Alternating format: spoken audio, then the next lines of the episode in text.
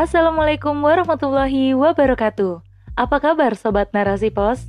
Kembali lagi bersama saya Giriani di podcast Narasi Pos. Kali ini dengan rubrik Surat Pembaca.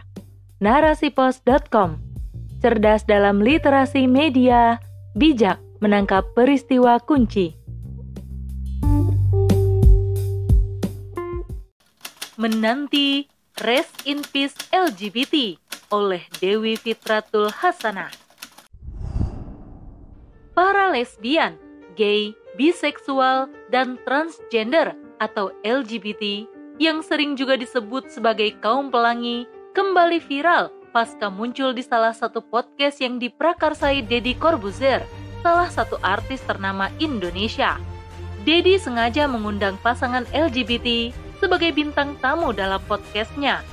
Pasangan itu diminta untuk menceritakan awal mula bertemu dan bagaimana perjuangannya. Dedi bahkan minta untuk foto bersama. Apa yang dilakukan Dedi membuat warganet meradang. Dedi diklaim sebagai pendukung LGBT karena telah memberikan panggung dan ruang promosi atas perilaku LGBT ini. Tak dapat dihindari, Meskipun kemudian Dedi telah menghapus postingannya, aksi unsubscribe warganet tak turut surut. Dalam Islam telah gamblang dijelaskan dalam berbagai dalil menyoal LGBT. Dalam sebuah hadis yang diriwayatkan oleh Ibnu Abbas radhiyallahu anhuma, Rasulullah shallallahu alaihi wasallam bersabda, Allah melaknat manusia yang melakukan perbuatan seperti kaum Lut. Hadis riwayat Ahmad. Begitu pula dalam hadis yang diriwayatkan Imam Tirmizi, Rasulullah Nabi Muhammad Shallallahu Alaihi Wasallam pernah mengungkapkan akan kekhawatiran munculnya perilaku kaum Lut pada umatnya. Sebagaimana diketahui, perbuatan kaum Lut adalah perbuatan yang sangat dilarang oleh Allah dan Rasulullah. Warganet yang notabene adalah penduduk muslim terbesar sedunia ini tentu meyakini bahwa perilaku LGBT adalah perbuatan hina yang dilaknat oleh Islam. Apalagi berbagai kerusakan kehidupan akibat perbuatan LGBT ini memang telah terindra nyata memorak-porandakan sisi medis, agama, maupun fitrah manusia. LGBT sangat membahayakan kesehatan seseorang. Mereka kerap melakukan hubungan seks anal dan seks oral yang beresiko tinggi terkena penyakit kanker dan HIV serta penyakit lainnya. Pun secara fitrahnya manusia, laki-laki dan perempuan itu menikah, kemudian mempunyai keturunan melanjutkan regenerasi, melanjutkan estafet kehidupan.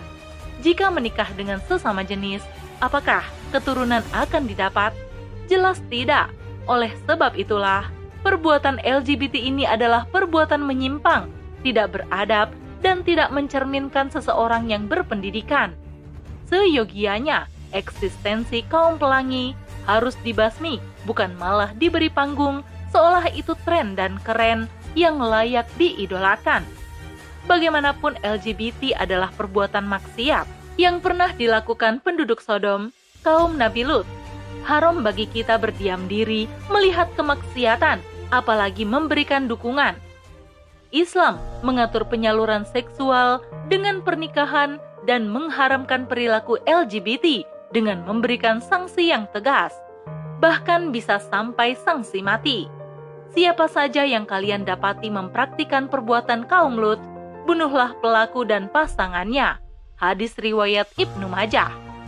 Sanksi tegas yang dimiliki Islam tentu efektif untuk mencegah pelaku agar tidak mengulangi perilaku yang sama dan mencegah seseorang yang hendak mencoba.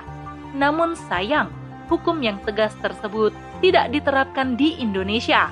Walhasil, yang terjadi justru panggung dan promosi atas perilaku LGBT menjelma bak lumrah yang boleh diikuti generasi dengan dalih hak asasi manusia atau HAM. Padahal jika berpikir mendalam, seharusnya HAM diartikan sebagai definisi atas hak asasi manusia untuk mendapatkan perawatan serta pembinaan bagi pelaku yang telah terjerumus kepada perilaku LGBT, bukan pengakuan atau melegalkan terhadap orientasi seksual mereka yang menyimpang. Semoga Allah menyegerakan tegaknya Islam di muka bumi Karena LGBT, yakni pelaku zina dan liwat ini, tidak akan pernah jerah selama berada dalam sistem yang berasaskan kapitalisme sekulerisme. Sungguh, ketika syariat Islam diterapkan, maka tak akan ada yang mendewakan materi dan kebebasan. Jikapun masih ada, jumlahnya amat sedikit, tidak menjamur dan eksis seperti sekarang ini. Ketika Islam diterapkan, maka peradaban kehidupan manusia akan berjalan dinamis sesuai fitrah serta menuai berkah Allah Subhanahu wa taala. Hanya ketika Islam diterapkan, niscaya LGBT enyah dari muka bumi alias rest in peace. Wallahu a'lam bishawab.